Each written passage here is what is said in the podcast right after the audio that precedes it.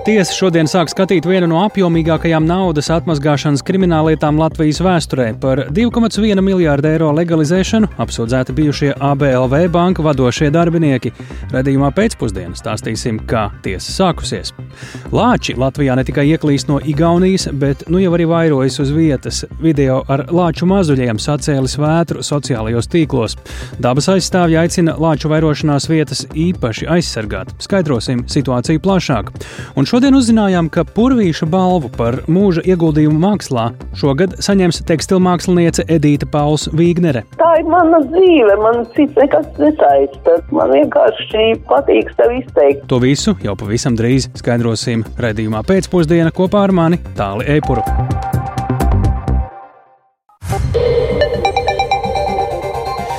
Ir 16,5 minūtes, skan pēcpusdienas ziņu programma, skaidrojot šodienas svarīgos notikumus studijā Tāls Eipurs. Gada inflācija Latvijā janvārī sasniegusi 21,5%, bet salīdzinot ar decembri patēriņa cenas mēnešu laikā augušas par 0,5%.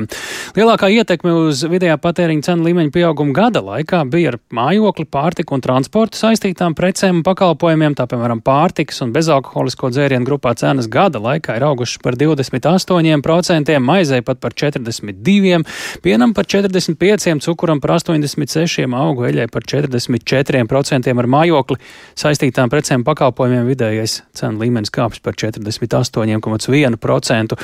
Tie gan ir lielākie skaitļi, pārējās preču grupās tie ir mazāki, un tas lielties noticis vēl straujāka energoresursu cenu pieauguma dēļ. Veselības aprūpas grupā, piemēram, mēs redzam, kāpums ir bijis par 10,3%. Tas par gadu, bet salīdzinot decembri un janvāri cenu pieaugums ir bijis, tātad, kā jau dzirdējām, minimāls. Citadēļ banka ekonomists fiskālās disciplīnas padomas loceklis Mārtiņš Čāboliņš pie raidījuma pēcpusdienu klausulis. Labdien! Labdien! Gada inflācijas skaitļi joprojām redzami ir milzīgi. Savukārt mēneša inflācija, lai arī viena no zemākajām pēdējā gada laikā, nedaudz atkal ir pakāpusies. Kā mums to tulkot šo tieši pēdējo etapu? Nu jā, mēs skatāmies, gada inflācija arī nedaudz pakāpsies. Decembrī bija jau zem 21%, šobrīd ir atkal 21,5%. Um, nu, tur tā lielākā ietekme šobrīd ir tas, ka pagājušajā ziemā bija ļoti dāsna atbalsta pasākumu un faktiski uz četriem mēnešiem elektrības cenas pat samazinājās. Līdz ar to mēs salīdzinām šodienas elektrības cenas, kas uh, mēneša laikā ir pat samazinājušās, bet nu, tur, tur veidojās tāds, teiksim, liels gada pieaugums. Vienkārši pagājušajā gadā bija lēts, tāpēc mums, teiksim, tā gada inflācija nedaudz pakāpusies, un, uh, un arī no kaimiņu valstīm šobrīd um, Baltijā mums ir augstākā inflācija. Um, es domāju, tas galvenais, uh, ir tiešām tas, ka uh, mēneša laikā cenas ir augušas pa, pa 0,5%. Mm, nu, tur, tur divas ziņas. Pirmā, ka tā, nu, cenas joprojām aug, bet tas pieauguma ātrums mums ir daudz zemāks nekā laikā. Tas bija no februāra līdz jūlijam aptuveni, kad mēneša vidēja inflācija bija vairāk kā 2,5%. Nu, tiešām tas inflācijas tiksim, tas ātrums ir sabremzējies. Um, bet nu, 0,5% mēnesī, nu, ja teiksim, tāda inflācija saglabātos gadu laikā, mēs joprojām ejam 4,5% inflācija. Tā kā tas tā, tā, inflācija visticamāk mums kļūs lēnāk tuvākajā laikā. 20% nebūs, būs kritums, bet tāpēc cenas nepaliek lētākas. Vienkārši tas ātrums tā kā paliek augstāks, cenas šobrīd kļūst lēnāks. Kas šādos apstākļos ir tie lielākie riski un kas varbūt ir arī labi, jo ir cilvēki, kur uztraucas, lai arī nesāks deflācija un recesija ekonomikai, un te pašā laikā, protams, pārlieku liela inflācija nevienam nav laba vēsts. Nē, nu šobrīd, šobrīd galvenais, lai, lai inflācija nokrīt, jo tiešām tā, nu, tas, kas mums ir bijis pēdējā gada laikā, tā ir, uh, nav normāla inflācija un, un, un tas nav veselīgi priekš ekonomikas. Uh, tāpēc, mums, teiksim, ja pēdējie mēneši, tiešām tas cenu kāpums vairs nav tik strauši, tā ir, tā ir laba ziņa. Uh, protams, ka deflācija mums var sanākt īsu brīdi, uh, ja mēs paskatāmies šobrīd, uh, piemēram, uz par mājokli saistītās cenas, ir īpaši enerģijas izmaksas, vai tā ir uh, siltuma enerģija centrāla apkur, vai tā ir gāze vai, vai ķerēs kurināmais. Tad tās cenas joprojām ir, ir stipri augstas un inflācija ir, ir augsta, bet uh, mēs šobrīd paskatāmies, teiksim, kas notiek Eiropas uh, biržās ar gāzi, dabas gāzes cenām. Uh, nu, tur ir būtisks kritums kopš pagājušās vasaras. Uh, protams, ir silta ziema, mums ir izdevies, teiksim, Eiropā veiksmīgi aizvietot Krievijas gāzi un, un daudz faktoru, kāpēc tas tā ir. Uh, bet, uh, ja tās cenas paliek tādas, teiksim, um, 50, 60 eiro par megavatu gāze. Nu, normālā cena bija, bija 20. uh, bet nu, vasarā mēs redzējām pār 300 eiro par megawatu stundu. Ja tās cenas palieksim šajā līmenī, tie 50, 60 eiro par megawatu stundu, tad jau uz nākamo apkursu sezonu mēs visticamāk redzēsim pietiekami jūtams siltumēnerģijas tarifu samazinājums tīpaši vietās, kur, kur ir apkura ar, ar, ar um, kur notiek ar dabas gāzi, un tad arī var sanākt kaut kādā brīdī deflācija. Um, bet par ekonomiku, jā, protams, kad uh, šobrīd ir bažas, uh, kā, kā teiksim, attīstīsies pagaidām tā situācija, es teiktu, pietiekami labi. IKP rādītājs ir uz nulli, uh, bezdarbs ir pieaudzis, bet tikai tik, cik sezonālais, parasti ziemā pieaug. Tā, kā, nu, tā, tā kopumā tā ekonomiskā situācija nav vienkārša, bet, bet par tādu recesija, ka tā šobrīd būtu, nu, tāda īsta pamata nav runāta. Un vēl pavisam īsi, šobrīd, mēs zinām, saimā tiek vētīts valsts budžets šim gadam, un skatoties uz inflācijas rādītājiem, citām jau pieminētajām tendencēm, kas būtu pats svarīgākais jāņem vērā tiem, kas tagad par to lems? Nu, šobrīd, protams, ka mums ir, uh, mēs redzam, ka Eiropas centrālā banka uh, diezgan aktīvi cīnās ar inflāciju, tiek celts procentu likums, un tiem, kam ir kredīta saistības, to arī jūt, jo Eiribors ceļās, tad uh, pārskatās, ir tīpaši, ka kādiem kredītiem to es vairāk jūt, um, ka aug procentu likums, aug ikmēnešu maksājumi. Nu, lieksim, tādā Eiropas un Latvijas līmenī svarīgi, lai um, Eiropas centrālā banka dara monetāro politiku procentu likmēm, lai nav tā, ka valsts šo procesu savā ziņā sabotē, un kad Eiropas Centrālā banka mēģina bremzēt inflāciju, valsts no savas puses ekonomikā liek papildus naudu iekšā tādā veidā viņa kurinot. Tāpēc nu, budžeta deficītam, tas ir tas, ko, ko šobrīd valdība ir atrunājusi, būtu pakāpeniski jāmazinās. Nevajag to, protams, darīt strauji, jo vajadzīga liela atbalsta ar ekonomiku, tā skaitā, lai tik galā šīm enerģijas cenām, bet nu, tā sildīt papildus ekonomiku noteikti nevajadzētu. Mm. Un, nu, tas projekts, kas ir sagatavots, šķiet arī uh, ir atbilstošs mērķim. Lielas paldies par sarunu. To mēs sakām Mārtiņam Māboliņam, cita Delbanka ekonomistam un fiskālās disciplīnas padomas loceklim.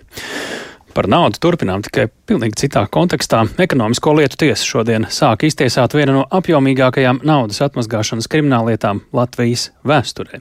Par noziedzīgi iegūtu 2,1 miljārdu eiro legalizēšanu vairāku gadu garumā lietā apsūdzēti vairāki bijušie ABLV banka vadošie darbinieki, tostarp bijušais līdzīpašnieks Ernests Bērnis, kas kriminālu lietu uzskata par politiski motivētu. Sēdē klātienē šodien līdzi sakoja arī kolēģi Linda Spundiņa. Linda atgādina, par ko tieši ir krimināllieta. Jā, krimināla lietā uz apsūdzēto soli kopumā sēdušās astoņas personas, kā jau minēja ABV, ABLV banka bijušais līdzīpašnieks Ernests Bernis, bijušie valdes locekļi Vadims Reinfelds un Aleksandrs Pāža, kā arī bankas darbinieki Igors Rogovs un Kaspars Dreimanis.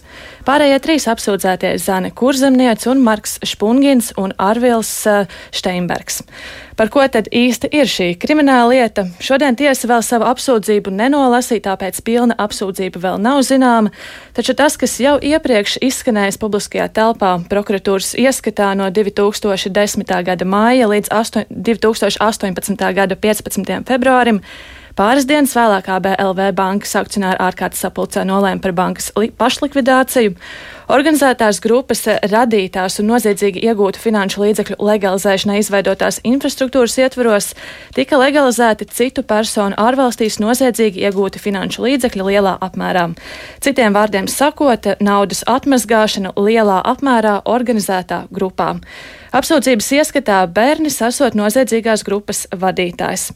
Apsūdzētais Ernests Bērnis savu vainu neatzīst un varam paklausīties viņa sacītajā neesmu izdarījis nekādu noziegumu. Un vispār apsūdzības būtība man nav saprotama. Pat tagad. Ar ko tad jūs saistāt šīs apsūdzības? Es domāju, politiski motivētas. No 18. gada 1. dienas februāra Finsena paziņojumā izteikušas par to, ka jāseko tiesu praumu. Ja? Mēs esam šeit. Kas ir šīs amatpersonas? Jūs paši parūdiet. Es atvainojos. Jā, kā dzirdējām, bērns to uzskata par politiski motivētu apsūdzību, un viņš neuzskata, ka citi apsūdzētie arī būtu vainīgi, un viņa prāta apsūdzība nav saprotama. Bērnis vēl sacīja, ka uzstās uz atklātu tiesas procesu, savukārt par pašu procesa ilgumu paredz, ka tas pirmajā instancē varētu ilgt divus, trīs gadus. Un tas tikai pirmajā instancē. Ko var teikt par, par pirmo sēdi? Tā tomēr ir pirmā sēde, tās vienmēr ir īpašas, tur tā teikt tiek uzņemts virziens, un es saprotu, šodien arī pietiekami interesanti interesanta tā ir bijusi. Jā, sēde gan nu pat kā ir tikai noslēgusies pēc pārtraukuma arī. Daļa apsūdzēto bija ieradušies klātienē, daļa attālināti videokonferences režīmā, un krimināla lietas tiesnes ir Ļubava Kovaļa. Kā jau minēja, lietu izskata ekonomisko lietu tiesa, un prokuratūras sēdes sākumā tiesa lūdza procesu skatīt slēgtā sēdē, jo saņemti divi pieteikumi no bankas likvidātora, kas satur komerc noslēpumu. Lietas materiālos ir runa par aktīvu atsevināšanu izsniegšanu kredītiestādēm, kuru informāciju klasificējam arī kā šis eh, komerc noslēpums. Savukārt apsūdzēto aizstāvi tieši pretēji uzstāja uz atklātu tiesas procesu, un vēlāk jau lietas dalībniekiem tiesnese paziņoja, eh, ka nolēmusi, ka daļa tiesas sēžu būs slēgtas tik tālu, cik tās attiecas uz pieteikumu par komerc noslēpumu. Lietas dalībniekiem eh, noraidījumu tiesai, protams, tiesnesē nebija, savukārt apsūdzētiem Kasparam Drēmanim bija noraidījums pret vienu no prokuroriem autoriem Rimantu Kuzmu, jo ir interešu konflikts. Abiem ir ciešas draudzīgas attiecības, un Rēmeņa advokāti skaidroja, ka abi pazīstam kopš 2004. gada. Strādājuši kopā arī Knab un koleģiālas attiecības pāraugušas ciešā draudzībā. Pēdējo reizi gan abi kontaktējušies pirms krimināla procesa uzsākšanas 2017. gadā, un varam paklausīties, ko par to saka pats prokurors Rimants Kuzma. Es nenoliedzu, ka jā, mums ar Kasparu Dreimanu ir bijušas šīs draudzīgās attiecības. Kā jau es teicu, mēs varam, esam piedalījušies arī privātos pasākumos kopā. Nu, man ir salīdzinoši grūti pat izstāstīt emocionāli, varbūt, vai krimināla procesa ietvaros es spēju attiecībā uz Kasparu Dreimanu veikt kaut kādas noteiktas darbības. Nu, es nevaru pateikt, jo līdz šim es esmu atturējies no tā. Jā, tad pēc šī visa tiesa izsludināja pārtraukumu un pirms pāris minūtēm atgriezās pēc pārtraukuma un tiesnese paziņoja, ka pieņem drēmeņu noraidījumu.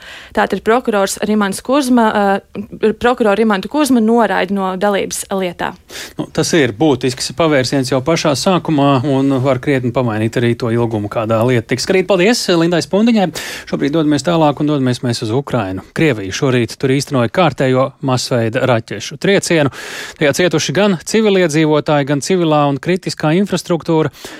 Lai noskaidrotu vairāk par šīs dienas raķešu triecienu, tā sakām studijā kolēģis Rihards Plūme. Lūdzu, Rihard!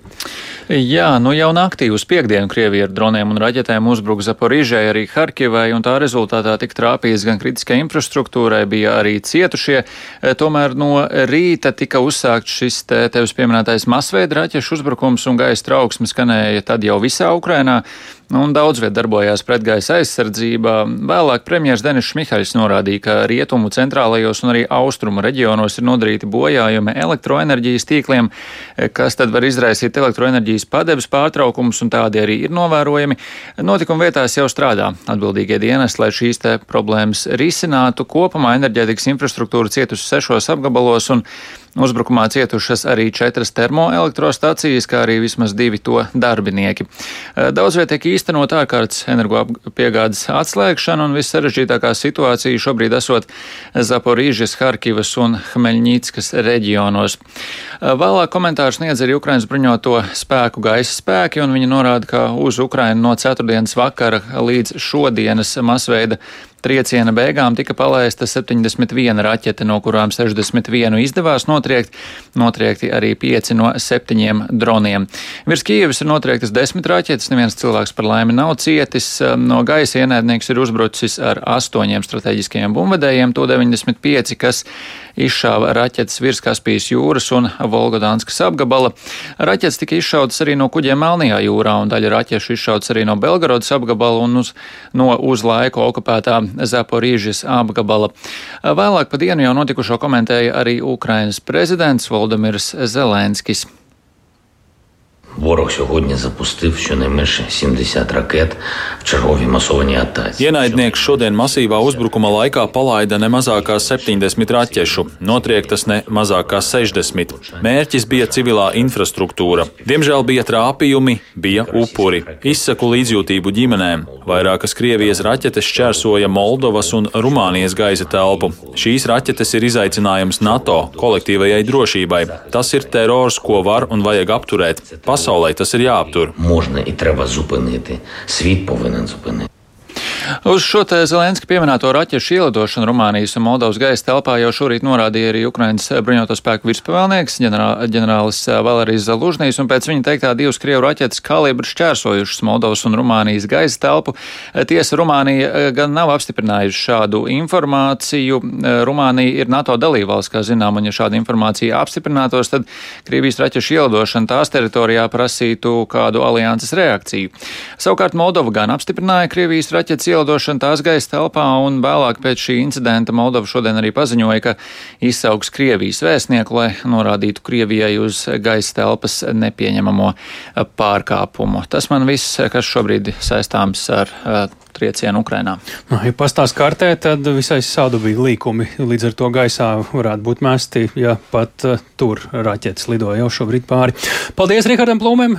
Tik tālu situācija Ukrainas frontē joprojām pietiekami saspringta, bet, uh, ja runājam par to, ko mēs varam palīdzēt uz Ukrainu kopā ar tā dēvēto Twitter konvoju pirms apmēram stundas ceļā devās arī valsts policijas ziedotais autobuss Setra. To ir piepildījuši iedzīvotāju un uzņēmēju fonda uzņēmēju mieram, Nacionālo bruņoto spēku un valsts policijas rīkotajā akcijā Sasildīsim karavīrus Doņetskā.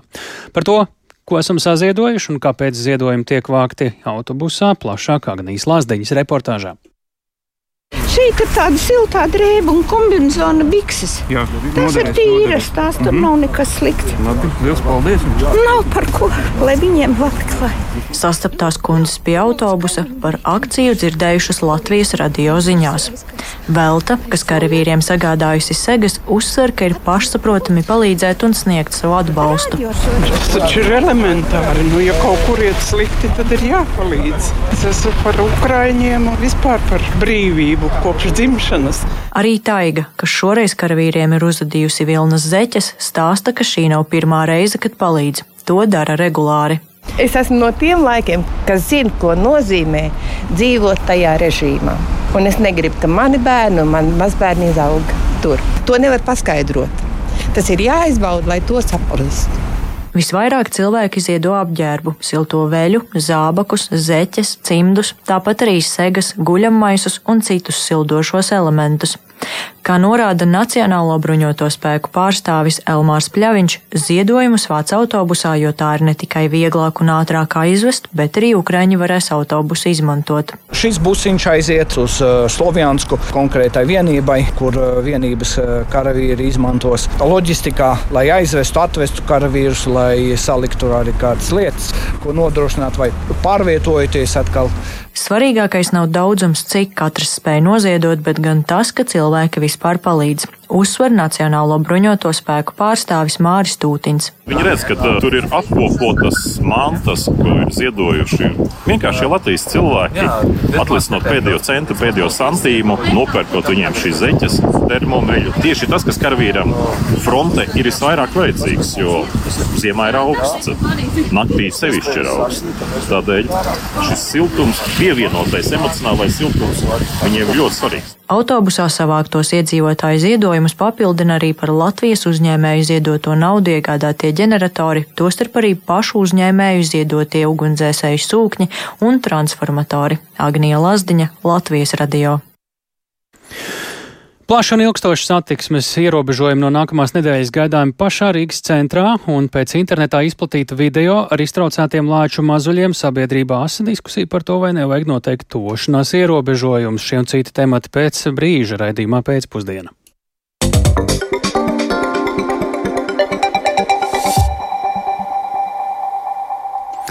Pamatīgi satiksmes ierobežojumi no nākamās nedēļas gaidāmi pašā Rīgas centrā, lai Rīgas infrastruktūrā iekļautu topošo projektu Rail Baltica, jau pirmdien sāksies vērienīgi būvdarbi, tas centrālās stacijas apkārtnē.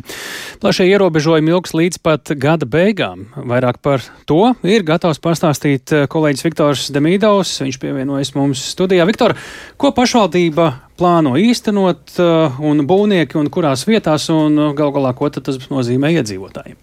Jā, sveicināti. Nu, lai gan varētu šķist, ka līdz lielākā Baltijas infrastruktūras dzelzceļa projekta Real Baltica galam vēl ir tāls ceļš, un tik drīz mēs vēl nevarēsim aizbraukt no Rīgas uz Varšavu, Rīgas doma jau aktīvi gatavojas darbiem, un, lai nodrošinātu drošu un ērtu satiksmi centrālās stacijas tuvumā, jau no pirmdienas, tātad 13. februāra, pašvaldība pārbūvēs trīs krustojumus, un būvdarbu zona aptver ģenerāļa Radziņa krastmalu no 13. janvāra ielas līdz Jēzus baznīcas ielai. Darbi notiks arī Rīgas autoostai un centrāla tirguma piegulošajās teritorijās. Ierobežojumi būs 11. Eh, novembra eh, ģenerāļa Radziņa krastmalas un 13. janvāra ielas krustojumā un pie tās blakus eh, esošo mm, stāvvietu tātad slēgs.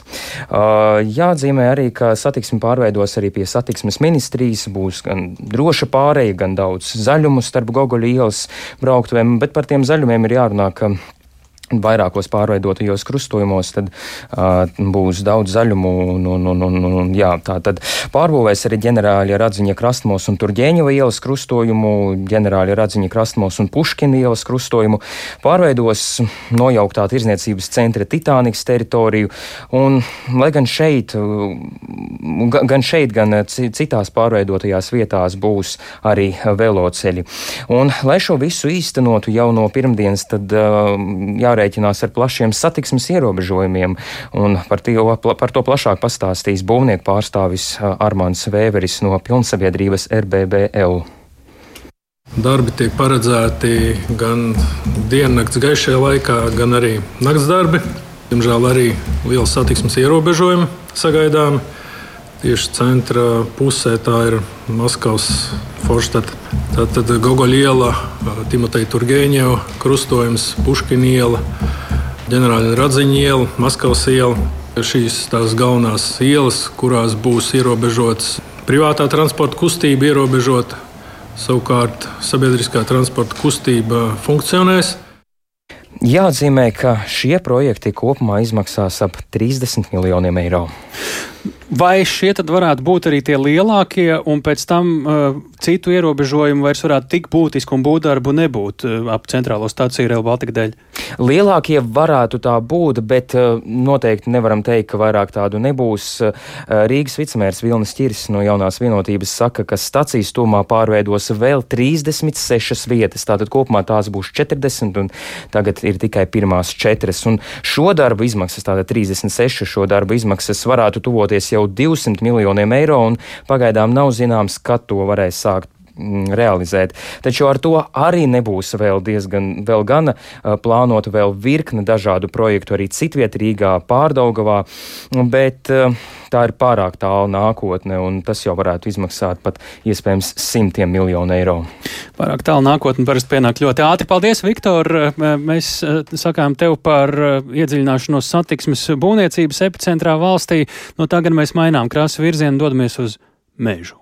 Latvijā Lāči ne tikai ieklīst no Igaunijas, bet nu jau arī vairojas šeit uz vietas, un par to liecina arī kāds video ar lāču mazuļiem, un tajā redzamais ir sacēlis komentāru un viedokļu vētru sociālās saziņas vietnē Facebook. Dabas aizstāvi aicina lāču vairošanās vietas īpaši aizsargāt un parūpēties par katru retās sugas individu, kā arī izglītot sabiedrību par lāču uzvedību, lai neciestu ne dzīvnieki, ne cilvēki. Plašāk Zanis Eniņas ierakstā. Mednieku skola Tauris Facebookā ievietojusi video, norādot, ka filmēts Limbaģa pusē. Filmiņā redzams lāču midzenis ar trim pavisam maziem nevarīgiem lācēniem. Video fonā dzirdamas zāģu skaņas. Dabas aizstāvi ceļ trauksmi. Viņuprāt, dabas aizsardzības pārvaldē bijis jānovērš tas, ka kāds tuvojas brūnā lāča, Eiropas nozīmes īpaši aizsargājamas sugas pārstāvja migai vai tās tūmā veids meža darbus. Turpina biedrības Latvijas ainavas pārstāve Astrīda Note. Šai sugai ir jānosaka aizsargājums dabas teritorijas. Tā tad vieta, kur lācis var dzīvot, ziemot, vairoties, izvadāt mazuļus. Šīm vietām ir jābūt aizsargājumam. Pirmkārt, tām ir jābūt apzinātām. Iztraucēta lāču māte pie mazuļiem varot vairs neatgriezties. Tāpēc dabas aizstāvju ieskatā atbildīgajām valsts iestādēm vajadzētu pārbaudīt, kas atgadījies ar lācēniem un iespējams tos glābt, kā arī apsargāt migas apkaimi. Dabas aizsardzības pārvaldē iebilst, lāču dēļ aizliegt iet mežos vai visā Igaunijas pierobežā nesot iespējams. Par konkrēto vietu esot pārliecība, ka tai cilvēki vairs netuvosies, un ne tikai lācēnu, bet arī savas drošības dēļ, skaidro dabas aizsardzības departamenta direktore Gita Strode. Darbinieki pameta visu šo meža nogabalu, tur visi darbi tika pārcelti, viss, kvartāls noslēgts, nekāda mešaniskā kopšanas darbība vairs nenotiek. Traucējums ir izbeidzies, un ja mēs gribam un vēlamies, lai tā lācena atgriežas atpakaļ, tad tur nevienam tagad nav jāiet un jādarbojas. Latvijā ir 60 līdz 80 lāču. To skaits ievērojami audzis pēdējos desmit gados. Agrāk uzskatīja, ka tie pie mums tikai ieklīst no Igaunijas, bet šis gadījums apliecina, ka nu tie šeit arī dzimst. Tāpēc Latvijas sabiedrībai jābūt gatavai ar lielo plēsēju sadzīvot, iepazīstot, izprotot paradumus un uzvedību, uzskata medniece Linda Dombrovska. Šādi gadījumi var būt arvien vairāk, un it īpaši tas attiecās uz tiem cilvēkiem, kas ikdienā mežā strādā. Valsts meža dienests, dažādi inspektori, Latvijas valsts meži, šais te privātās firmas, kas nodarbojās ar jaunauģu izkopšanu. Protams, arī visi tie, kas brauc uz piknikiem uz mežu, staigā ar suņiem un tā tālāk. Visi intervētie ir vienisprātis, ka sabiedrība par lāčiem jāizglīto. Taču pat Igaunijā, kur brūno lāču ir daudz vairāk, ap tūkstoti, un skaita regulēšanas nolūkā kopš 90. gadiem tos atļauts arī medīt, joprojām gadās, ka iztraucētu lāču mazuļi nonāk cilvēku aprūpē. Turpina Igaunijas vidas aģentūras vadošais speciālists Pēps Menils. 20 years ago we Pirms 20 gadiem mēs mēģinājām šādus lācēnus bāreņus atkal pieradināt pie dzīves mežā, bet vēlāk atzinām, ka tas ir diezgan bezjēdzīgi. Lielākā daļa jauno lāču pēc atgriešanās dabā nekļuva par īstiem savvaļas dzīvniekiem. Tie atgriezās pie cilvēkiem un novērojām, ka daudzi tos baroja un tie radīja daudz problēmu. Tāpēc Igaunijā lāču dzīvē cenšas neiejaukties, cik vien tas iespējams, bet lāčus ar problemātisku uzvedību, līdzīgus pērnu un aizpērnu ziemeļvidzemē novērotajiem, bez kavēšanās likvidē. Zana Eniņa, Latvijas radio. Šobrīd pie redzījuma pēcpusdienu klausulas ir Mežģinātnes institūta Silava vadošais pētnieks biologs Jānis Ozoliņš. Labdien! Labdien! Pavisam īsi sākam ar to, kas tad visticamāk pēc dabas likumiem notiks ar lācēniem, kuri tika iztraucēti šajā izplatītajā video. Tas, kas notiek tālāk ar lācēniem pēc iztraucēšanas, ir ļoti atkarīgs, protams, no tā iztraucēšanas procesa.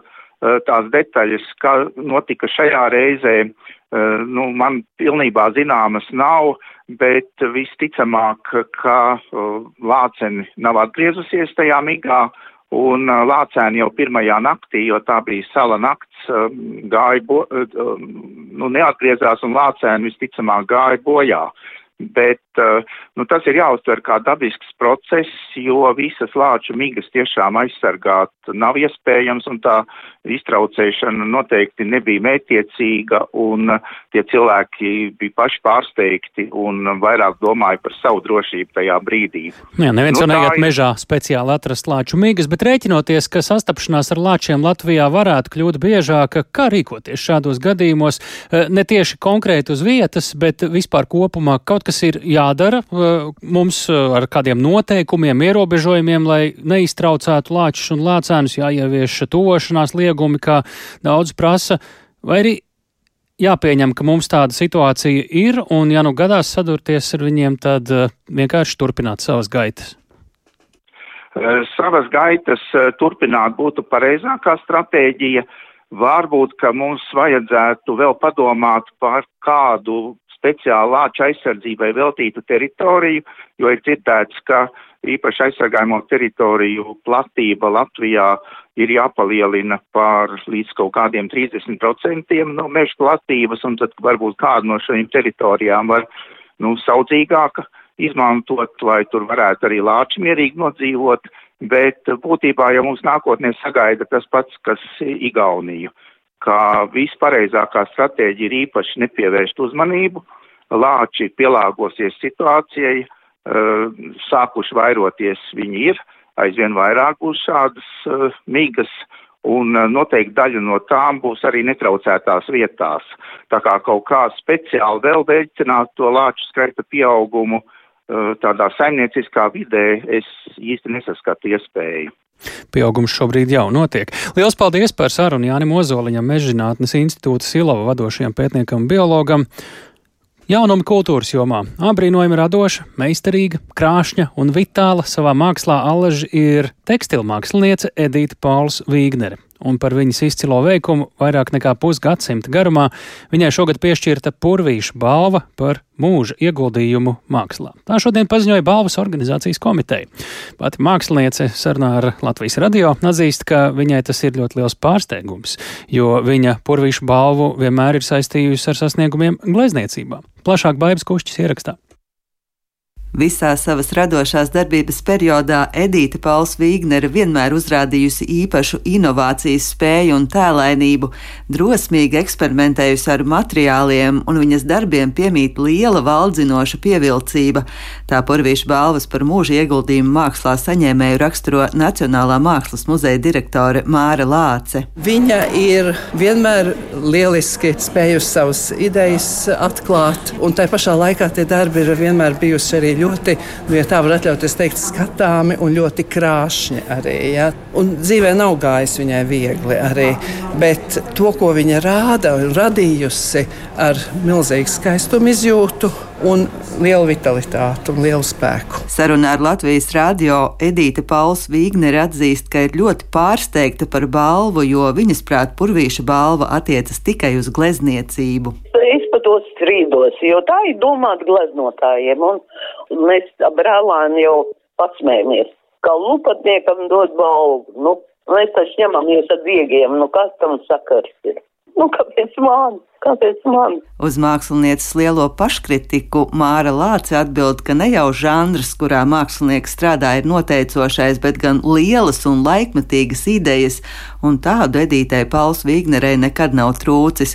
Arī šobrīd viņa turpina strādāt, un kā pati uzsver, īpaši šajā laikā bez mākslas vispār būtu grūti izturēt tā ir mana dzīve, man cits nekas nesaista. Man vienkārši patīk sev izteikt, un es dzīvoju notikumiem līdzi, un man tie notikumi vienmēr ierostas, un kaut kas ir jādara, jo citādi jau man liekas slikti. Ņemot vērā pēdējo gadu notikums, tur ir grūti cilvēkam dzīvot tādā pasaulē. Sevišķi tādam, kas ir piedzīvojis karu, es, piemēram. Tas ir šausmīgi, kas tagad notiek. Nu, tad ir jādara kaut kas un jākdibināt lai cik tu esi vecs, bet kaut kā tā jādzīvo līdzi un kaut kas jādara. Edītas Pauls Vigneres izstādes vienmēr bijušas skatītāja ļoti mīlētas, un arī viņai pašai šī tuvība ar skatītājiem sniedz ļoti lielu gandarījumu. Visur, kur es esmu bijusi, man ir ārkārtīgi sirsnīga atmosfēra. Nevar iedomāties, cik ārkārtīgi mīļi man tie cilvēki un cik viņi labi izturās. Jā, tas ir interesanti, ka varat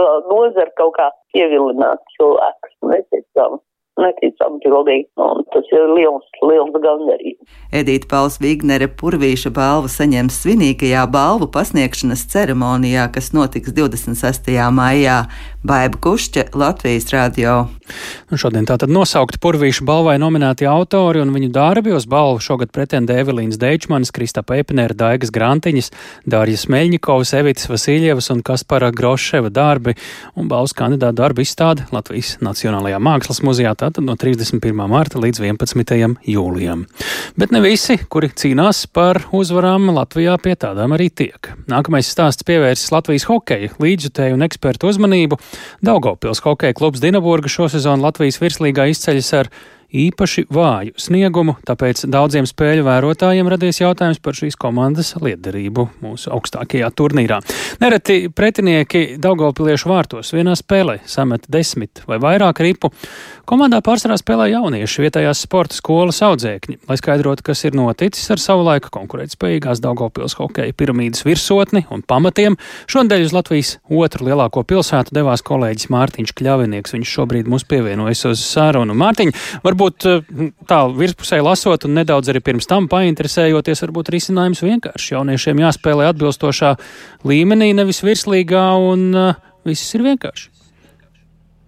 Sveiks, tāls veicināt klausītāji. Jā, pirms došanās uz Daugopilī man arī tā šķita, ka nekur tālu jau risinājums nav jāmeklē. Nu kā vienkārši spēlējiet līmenī, kas ir jums atbilstoši. Proti, tas eh, Daugopils gadījumā būtu junior attīstības hokeja līga, ja pēc spēka otrā Latvijas līga, nevis eh, virslīga, kas ir spēcīgākā, bet izrādās, ka tā nebūtu nav. Tas jautājums, aizbraucot uz um, Daugopilu to pētot, izrādās ir daudz komplicētāks, jo tad, kad vasarā esot parādījušās runas, ka Daugopils ies iespējams nespēlēs virslīgā, tad jau daudzi puikas, viņu vecāki precīzāk, protams, šajā vecumā esot meklējuši kādus ceļus, uz kuru komandu tad labāk pāriet tepat Latvijā vai braukt uz ārzemēm, jo tomēr atzīsim, ka nu, tā tomēr ir tā spēlētāja grupa, jauno spēlētāja grupa, kas spēlē šobrīd abās šajās līgās Daugopilī, kuri tēmē tomēr uh, varbūt uzspēlēt profesionāli vismaz kādu strēķīti savus karjeras laiku. Tieši tāpēc arī tiek meklēt labākie apstākļi. Un gal galā Daugopilī šīs abas komandas ir divi vienā.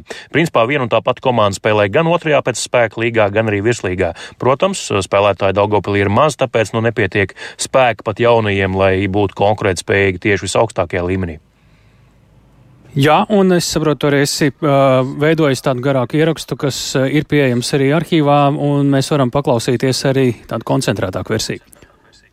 Jā, klausāmies uh, nedaudz stāsts par Daugopili īsā versijā.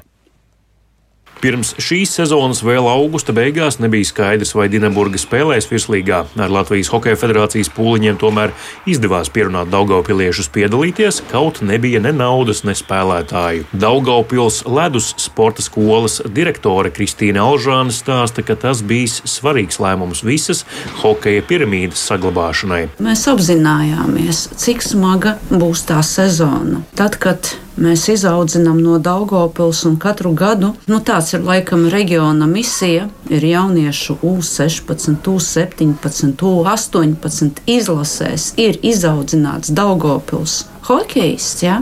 Mēs esam izpildījuši visus kritērijus, un mēs esam lepni par to. Ja mēs neizveidotu virslīgu, viņi, viņi vēl vairāk mums būtu to aizbraucēju skaits tad nu, tiešām būtu ļoti bēdīgi. Pērn sezonu finansējums esot bijis aptuveni 200 tūkstoši, tāpēc varēja atļauties algot leģionārus. Šogad visi spēlē par brīvu, bet vienībai jāiztiek ar 50 tūkstošiem, kas paredzēti treniņiem, ēdināšanai un izbraukumiem. Četreiz mazākais budžets redzams arī uz ledus. Dienaburga uzvarējusi tikai vienā no sezonas 29 mačiem, bet atlikuši vēl trīs. Komanda ir pārliecinoši pēdējā līgā, vārtu attiecība grauja šaujoši slikta - 62 pret 280. Bet kas tad ir Daugopils hokeja skolas mērķis? Censties izaudzināt profesionāļus vai tomēr veicināt fiziskās aktivitātes? Domes jaunatnes lietu un sporta pārvaldes vadītāja Valērija Linkeviča skaidro, ka tie ir abi nosauktie. Latvijas Hokeja federācijas ģenerālsekretārs Roberts Pļāvējs atzina, ka organizācija nav sajūsmā par Dienaburgas vājo sniegumu čempionātā, bet galvenais esot bijis saglabāt Daugaupils hokeja spīci virslīgā. Ja mēs gribam spēcīgas piramīdu organizācijas ne tikai Rīgā, bet arī reģionos, tad uh, ir ļoti svarīgi, lai šī sporta skola, sporta klubs var nodrošināt visu, sākot no, no jaunākajiem bērniem, no 9 vecuma grupā līdz, līdz Latvijas čempionātam. Sagaidījām Daugopils spēcīgāk un darīsim visu, lai tā arī būtu. Un, uh, jā, mums ir svarīgi, ka Daugopils ir daļa no mūsu hokeja sistēmas arī augstākajā līmenī. Tā jau nav problēma tikai Dāngopilī. Pajautāt, jebkuram citam reģionam tādas pašas atbildes seko no jebkura cita.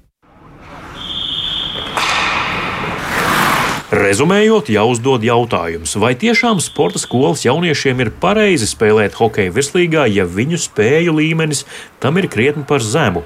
Piemēram, Valmjerā pārskatāmā pagātnē nav bijusi virslīgas hokeja komanda, bet bērnu un amatieru pulks tur ir ļoti plašs. Līdz ar to apgalvojums, ka par katru cenu jānotur virslīgas komandu, lai nepazustu arī pārējie pirmīnas posmi, līdz galam neiztur kritiku. Mārtiņš Kļavinieks, Latvijas radio.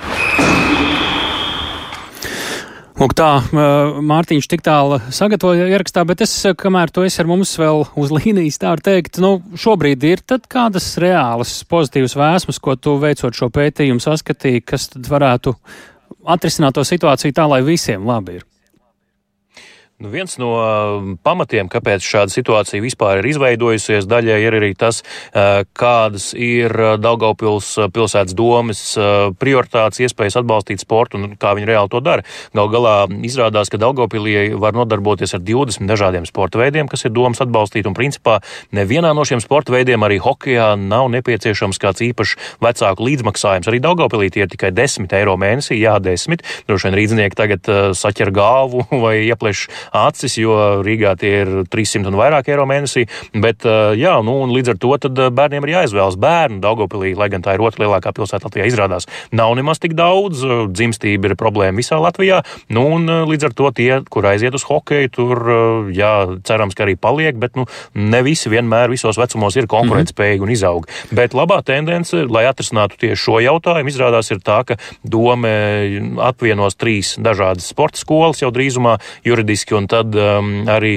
finansējums tiks apvienots, un tad cerams, ka to varēs optimālāk izmantot, un iespējams, ka tas kaut kādu labu vēsmu dos arī Daugavpils uh, hokeja komandām, Jā. arī tām, kas ir visaugstākajā piramīdas spicē. Un kad 12 sekundžu laikā nākamā gadā virslīgā Daugavpils komanda būs? Viņi paši vēlas tur būt, jā, bet tas vēl nav skaidrs zināms, protams. Lielas paldies Mārtiņam Kļaviniekam. Tik tālu Raidījums pēcpusdienā Latvijas radio viens vilnī. To veidoja Tāls Eipurs, Ilza Aginta, Renārs Steimanis, arī Rita Karnača. Un te nu ir vietā piebilst priekšā brīvdienas, ja vēlties ieteikt kādam vai arī paši noklausīties šo raidījumu, tad pavisam noteikti ņemiet Latvijas radio mobilo lietotni. Tur šie raidījumi ir pieejami brīvi un katrā laikā. Mēs tiekamies jau pēc brīvdienām, atkal pirmdienā skaidrosim svarīgāko redzējumā pēcpusdienā.